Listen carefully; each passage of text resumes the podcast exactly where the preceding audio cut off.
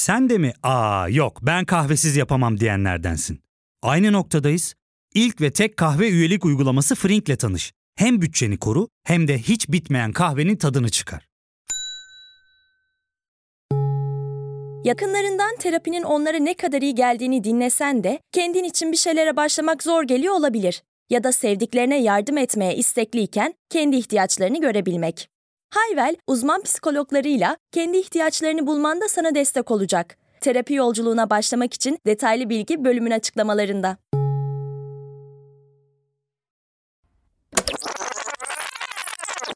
Işık dediğimiz şey bir elektromanyetik dalgadır. Kesintisiz bir şekilde bir su dalgası gibi yayılır çevresine. Çünkü en basit haliyle kuantum fiziği ve bu alanda Heisenberg ve Schrödinger gibi isimlerin çalışmaları bize tek bir şey söylüyordu. Mikro ölçekte gerçeklik hiç de bizim algıladığımız şekilde kesin değildi. Bizi oluşturan atomlar, onları oluşturan kuarklar, elektronlar hem var hem yoktular. Hem oradaydılar hem değildiler. Yerini biliyorsanız hızını bilemiyordunuz. Hızını biliyorsanız yerini bilemiyordunuz. Hayda ne diyor bu adam ya diyenler vardır kesin içinizde. Hiçbir şey tesadüf değilin sıkı takipçileri de ufak bir dejavu yaşamış olabilir bu cümleleri duyduğunda. Evet, bunları bu harika podcast'te başladığımız ilk bölümümüzde Tanrı zar atar mı diye sorduğumuzda söylemiştik. O bölümde geçen cümlelerdi bunlar. Ve şöyle bitirmiştik o bölümü. Ama tabii kuantum. Öyle kolay kolay bitiremeyiz. Daha çok yolumuz düşer buralara. Heh işte, düştü yolumuz yine buralara. Geldik dönüp dolaşıp başladığımız o yere. O bölümde bilinçli bir şekilde bazı kapıları açıp kapatmamıştık. Kancaları ata ata devam etmiştik. Daha sonra geri dönmek için altını çizersiniz ya bazı satırların. Onun gibi bir şeydi yaptığımız. Şimdi o satırlara geri dönme vakti. Ama öyle tek seferlik değil. Bu sefer bambaşka bir giriş yapıyoruz kuantum evrenine. Ve bununla birlikte Ocak ayı boyunca tam 4 bölüme yayılacak özel bir seriye. Hatta bir nevi diziye başlıyoruz. Programımızın ismi hiçbir şey tesadüf değilin hakkını verecek şekilde ilmek ilmek, öre öre modern dünyanın nasıl şekillendiğini kuantum fiziğinin hikayesinde ele alıyoruz. O halde hazırsanız şöyle arkanıza bir yaslanın. Zira bu yolculuk biraz sert geçecek.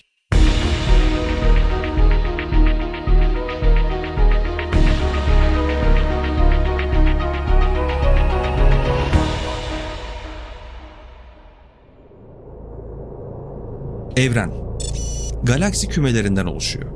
Bu kümelerde ayrı ayrı galaksilerden. Her galakside gezegenler, yıldızlar ve kara deliklerden oluşuyor. Devasa, uçsuz bucaksız yapılar. Aklımızın hayalimizin almayacağı büyüklükler ve cisimlerden bahsediyoruz. Hadi gelin daha da küçültelim odağımızı. Sen, ben, o. Gördüğümüz her şey bir galaksi kümesi içindeki bir galakside bulunan bir yıldızın etrafında dönen, nispeten küçücük bir gezegenin üzerinde gezinen minik yaşam formları olan insanlık. Ortaya çıkardığımız insan yapımı her şey. Etrafımızda gördüğümüz, dokunabildiğimiz her şey. Saydığım ve saymaya zamanımın dahi yetmeyeceği her şey atomdan oluşuyor. Küçücük bir parça. Tüm evrenin temelinde yatıyor. Atom. Her şeyin yapı taşı. Şimdi insanlık Kepler, Kopernik, Galileo derken Isaac Newton, Michael Faraday ve James Clerk Maxwell gibi büyük, çok büyük dahiler sayesinde müthiş bir sıçrama gerçekleştirecek. Evrenin dokusunda gizli yasaların şifrelerini bir bir kıracaktı. Klasik fizik ile hareket yasaları, yer çekimi yasası, elektromanyetizma ve daha sayısız yasayı keşfedecek. Gezegenlerden tutun da çocukların oynadığı topun tüm hareketlerini kusursuz bir şekilde anlayıp ifade edebilecek duruma gelmiştik. Her şeyi biliyorduk. Her şeyi. Jüpiter ne zaman nerede olacak? Ne zaman güneş tutulacak? Bir roketi hangi açıyla fırlatırsan nereye varacak? Zaten bu bilgileri alıp buharlı makinelerden tutun da elektriğe, ampulden tutun da bilgisayarlara kadar bugün gördüğümüz ve modern dünya dediğimizde aklımıza gelen her şeyin temelini atmıştık. Tabi haliyle bu bize bir özgüven de vermişti. Baya kasıla kasıla yürüyorduk artık. Ee, olacak o kadar. Bir tür her şeyin teorisini ortaya çıkarmıştık sonunda. Evreni anlamıştık. Biz olmuştuk artık. Fakat üzgünüm ama daha fazla yanılamazdık. Aslında çok çok az şeyi anlamış, çok çok çok az şeyi anlatabilmişiz. Böyle düşünmemizin sebebi de işte az önce bahsettiğim her şeyin yapı taşı atomlar. Çünkü atom dediğimiz varlığın dünyasında yüzyıllar boyunca emek emek oluşturduğumuz tüm kurallar yerle bir olmuştu. Her şeyi açıkladığını düşündüğümüz tüm formüller, tüm denklemler bütün geçerliliğini yitirmişti. Doğru bildiğimiz her şey yalan olmuştu. Artık kuralları belirleyen yeni bir kavram vardı. Klasik fiziği çocuk oyuncağı gibi gösterecek yeni bir yasa. Kuantum fiziği. Diğer adıyla kuantum mekaniği. Tüm yıldızları, tüm maddeleri oluşturan atomların, atom altı mikroskobik parçacıkların evrenini yöneten kurallar bütünü. Ve bu dünyaya girmeden, bu evrene adım atmadan da anlamamızın çok mümkün olmadığı kurallar bunlar. Günlük hayatımızda kendi gözümüzde tanık olsak büyük ihtimalle aklımızı yitireceğimiz gerçeklere, olaylara gebe bir evren. O yüzden sizden konuya girmeden önce her şeyi ama bildiğiniz her şeyi unutmanızı rica edeceğim. Bu zamana kadar öğrendiğiniz tüm fizik bilgilerini, okuldan filan aklınızda kalan tüm bilgi kırıntılarını atın hafızanızdan. Unutun. Öncelikle şunu belirtelim. Tüm bu çılgınlığın, tahmin edilemezliğin ötesinde kuantum fiziği bilim tarihinin tartışmasız en başarılı ve en çığır açan gelişmesidir. Bu serinin sonuna geldiğimizde neden böyle söylediğimi çok daha iyi anlayacaksınız. Peki, bu kadar inanılmaz gelen, bu kadar sıra dışı olan, henüz 100 yıl önce hayatımıza girmiş bu yasaların gerçek olduğunu nereden biliyoruz? Şöyle izah edeyim. Hiçbir yasanın test edilmediği kadar test edilmiş ve her seferinde istisnasız tüm testlerden geçmiştir kuantum fiziği. Ve şunu da unutmamamız gerekiyor. Her ne kadar klasik fiziği çok sevsek de Newton'a, Einstein'a hayranlığımızın sınırı olmasa da kuantum fiziği temelde atomların evrenini anlatmaktadır. Atomlar ve atom altı parçacıklar da bildiğimiz her şeyin temelinde yattığına göre aslında kuantum fiziği bize asıl gerçekliği, her şeyin açıklamasını sunuyor. Ve belki de neden buradayız sorusunun cevabına bizi en çok yaklaştıran açıklamayı da kuantum sunuyor. Peki öyleyse şunu soralım şimdi. Biz nasıl bulduk kuantum fiziğini? Nasıl keşfettik? Hikayesi de bir o kadar ilginç. Her şey yine ışıkla başladı. Kara cisim ışıması ya da radyasyonu diye bildiğimiz olayla. İsim sizi korkutmasın. Basit haliyle şundan bahsediyoruz. Mutlak sıfır. Duymuşsunuzdur belki. Doğada bir maddenin ulaşabileceği en düşük sıcaklık eksi 273.15 santigrat derecedir. Ve hiçbir madde de bu sıcaklığa sahip olamaz. Zira bu sıcaklık bir maddenin enerjisinin de sıfırlanması anlamına gelir. Bilim insanları hala uğraşıyorlar. Ama bir maddeyi bu seviyeye kadar soğuttuğunuzda çok acayip durumlar ortaya çıkıyor. İşte bu sıcaklığın üstündeki her şeyin, evrendeki şeylerin tamamının bir sıcaklığı var. Ve sıcaklığı olan her şeyin de bir enerjisi. Ve enerjisi olan her şey de bir ışık kaynağıdır. Işık yayar. E peki Bevar biz de mi ışık yayıyoruz derseniz evet. Gözle görülebilir skalanın dışında olduğu için göremiyoruz haliyle. Çünkü biz ısı ve enerji düzeyimizle kızıl ötesi ışık yayıyoruz. Ama merak etmeyin, gözlemlenmesi de imkansız değil. Herhangi bir termal kamerayla çok rahat görebilirsiniz insanın yaydığı ışığı. Sen bir ışık kaynağısın. Bunu bir dakika düşünmeni istiyorum. Çok güzel değil mi? Neyse işte, her şey ışık yayıyor dedik, tamam. Ama her şey farklı ışık yayıyor. Her madde ısıtıldığında farklı sıcaklıklarda, farklı dalga boylarında, gözle görülebilen veya görülemeyen, X ışınlarından, gamma ışınlarına kadar uzanan bir skalada ışık yayıyor. Mesela bazı metalleri ısıttığınızda kırmızıdan sarıya, oradan beyaza ve sonra maviye dönen bir renk görürüz. Hatta bazı gök cisimlerinin sıcaklığını da bu şekilde ölçüyoruz. Mesela bir nötron yıldızı hep mavi olarak resmedilir. Bunun nedeni de yüzey sıcaklığının çok çok yüksek olmasıdır. İşte soru da bu. Neden her madde farklı sıcaklıklarda, farklı renklerde ışık yayıyordu?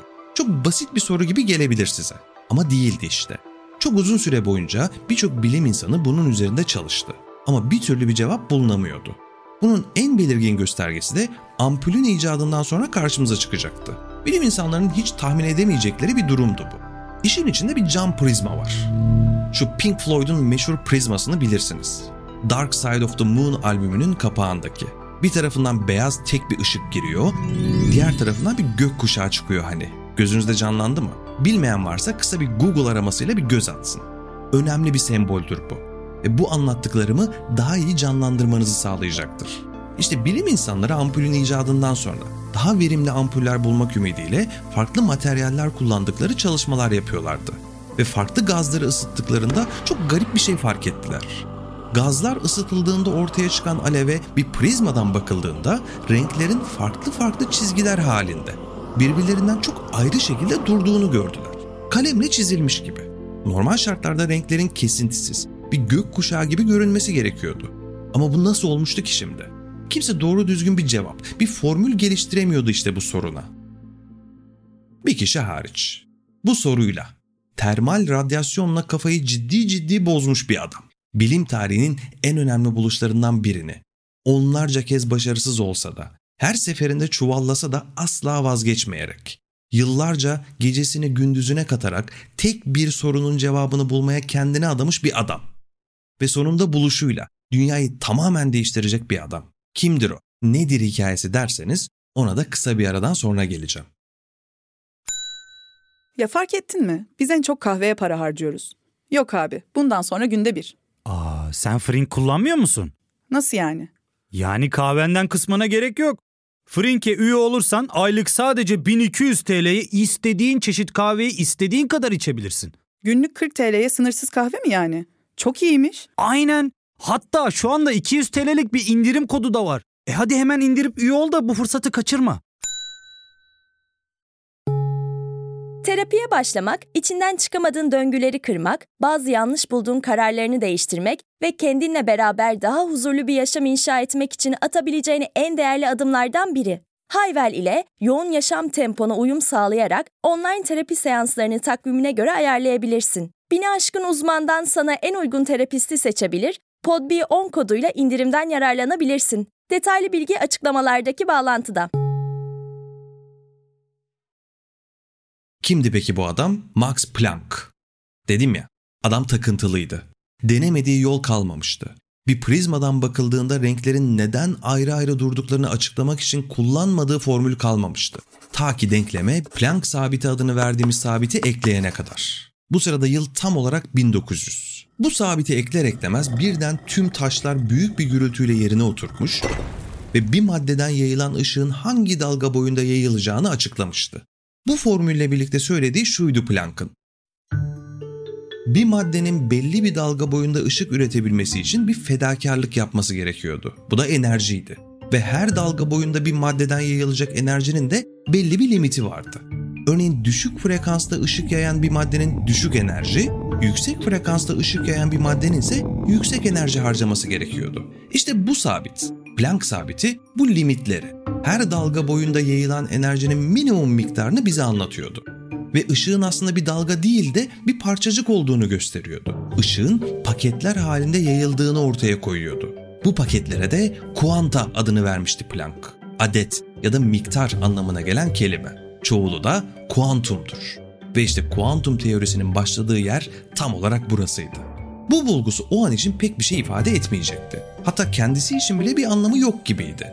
Bir başarı elde etmişti tamam ama sonuçlarından çok emin değildi. Hatta bu bulgusunu yayımlamamayı bile düşündü.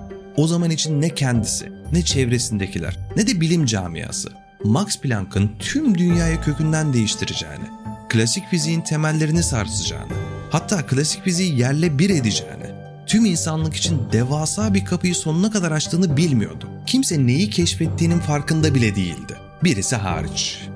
Tahmin edin kim? Tabii ki Albert Einstein. Bu olayın ne kadar önemli bir olay olduğunu ilk fark eden de yine Einstein olacaktı.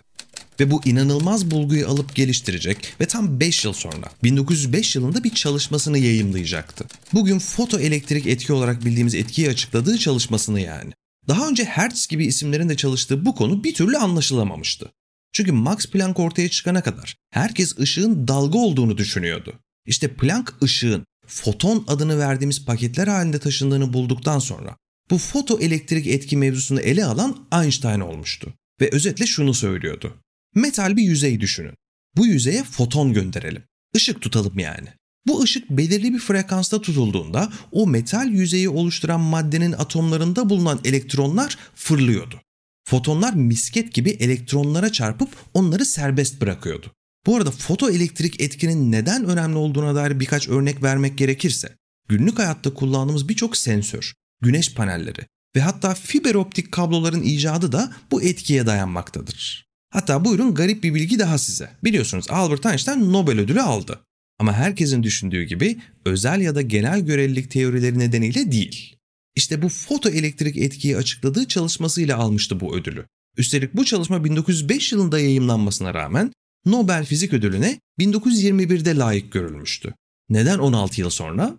Aslında Max Planck'ın yaşadığı sorun ile aynı sorunu yaşıyordu Einstein. Kimse bunun ne kadar önemli bir bulgu olduğunu anlamıyordu ilk başlarda. Kuantumun ne kadar sıra dışı, çağ açacak bir buluş olduğunun kimse farkına varamıyordu bir türlü. İşte bu çalışmasıyla Einstein, kuantum fiziğinin yavaş yavaş dikkat çekmeye başlamasına sebep olmuştu. Fakat asıl büyük adımı başka bir bilim insanı atacaktı. İlk bölümde yine bahsini ettiğimiz başka bir dahi, Niels Bohr. Einstein'dan bir yıl sonra 1922'de Nobel Fizik Ödülünü kazandı kendisi. Kimilerine göre kuantum devrimini başlatan kişiydi Niels Bohr. Ona Nobel ödülünü kazandıran çalışması da Max Planck'ın formüllerinden yararlanarak ve Rutherford'un atom modelinden esinlenerek çıkmıştı ortaya. Bugün atom dediğimizde aklımıza gelen, kafamızda canlanan resmi ortaya çıkaran şey Bohr atom modelidir aslında. Bu model özetle şunu söyler. En başta da bahsettiğimiz ışığın farklı dalgalarda yayılmasının asıl açıklaması ancak atom seviyesinde anlaşılabilirdi. Ve bir atom taneciğin tıpkı bir güneş sistemi gibidir. Çekirdeğin çevresinde elektronlar birer uydu gibi hareket eder ve atoma enerji yani ısı verildiğinde bu elektronlar ve atom kararsız hale gelir. Tekrar kararlı hale gelmek içinse kendisine verilen enerji ya da ısı miktarı kadar foton yayar ya da foton fırlatır. Artık ne derseniz deyin. Ama işte tırnak içinde kararsızlık hali kuantum dünyasının en anlaşılmaz olaylarından birini bize göstermişti. Çok acayip gerçekten. Şimdi atomu güneş sistemine benzettik. Mesela ayın dünyanın çevresinde belirli bir yörüngede döndüğünü biliyoruz. Ama şimdi birden fazla yörüngenin bulunduğunu düşünün. Yani ayın dönebileceği alternatif yörüngeler olduğunu. İşte atom çekirdeğinin çevresinde dönen bir elektrona enerji verildiğinde ne oluyor biliyor musunuz? Elektron birden, aniden farklı yörüngelere sıçrıyor. Bir o yörüngeye, bir diğer yörüngeye. Ama bir geçiş yok. Yani bir hareket gözlemlenmiyor. Bir bakıyorsunuz elektron bir yörüngede. Bir daha bakıyorsunuz bir başkasında. Sıçrıyor. Bir anda. Mesela güneş çevresinde dönen gezegenleri düşünün. Mars'ın birden Jüpiter'in yörüngesine geçtiğini. O yörüngeye sıçradığını. İşte buna kuantum sıçraması deniyor. Duymuşsunuzdur belki. Bu tabirin kaynağı da burasıdır. Elektronların sıçraması. Klasik fiziğinde tüm silahlarını bırakıp teslim olduğu yer burasıydı. Arkadaşlar bana müsaade. Benden bu kadar. Gerisi sizin artık dediği yer. Ama tabii Einstein öncülüğünde bir grup bilim insanı için bu kabul edilemez bir şeydi. Haliyle de bu bir savaş haline gelecekti. Büyük bir savaş. Burada 1927 yılına bir sıçrayalım biz de. İsviçre'de gerçekleşen Solvay konferansına. İnsanlık tarihinin en önemli dahilerinin bir araya geldiği bir konferanstı bu. İlk bölümümüzde de ziyaret etmiştik orayı. Einstein, Max Planck, Niels Bohr, Heisenberg, Lorentz, Max Born, Dirac, Compton, Broglie, Schrödinger, Fowler ve Marie Curie. Yok yok neredeyse. İnanılmaz bir ortam. Kuantum fiziği ile klasik fiziğin en büyük savaşlarından birinin başladığı yer olarak da tarihe geçer bu konferans.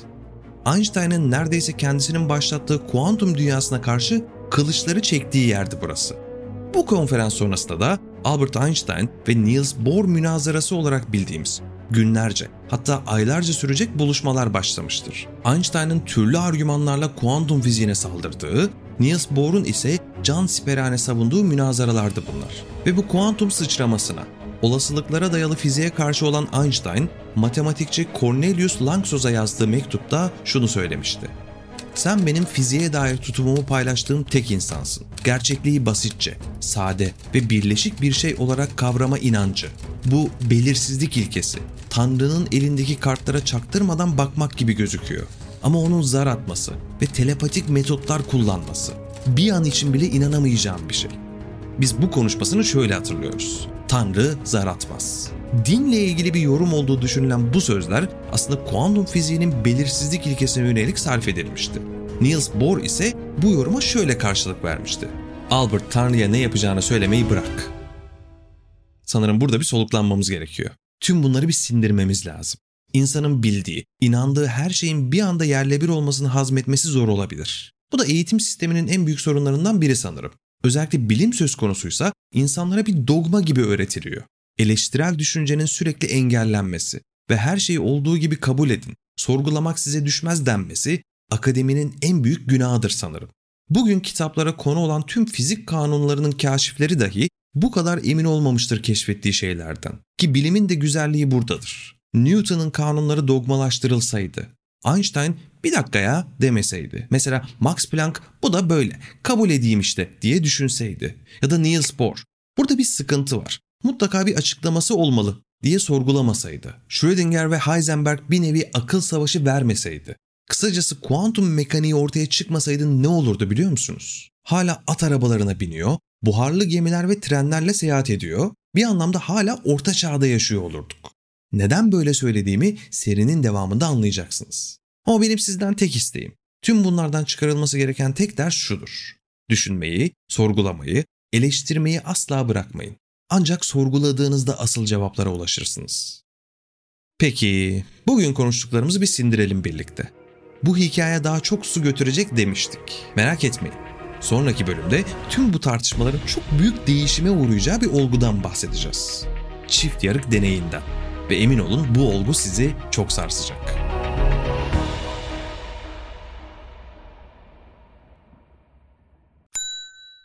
İlk ve tek kahve üyelik uygulaması Frink, 46 ildeki 500'den fazla noktada seni bekliyor. Açıklamadaki kodu girerek sana özel 200 TL'lik indirimden faydalanmayı unutma. Hadi sen de Frink üyeliğini başlat, kahven hiç bitmesin. Hem bugününe hem yarınına katacaklarıyla terapi yolculuğuna ve daha iyi hissetmeye bugün Hayvel ile başla. Açıklamadaki linkten Hayvel'i indir, ücretsiz tanışma görüşmelerinin ardından bütçene uygun seans paketini seç ve terapi yolculuğuna başla.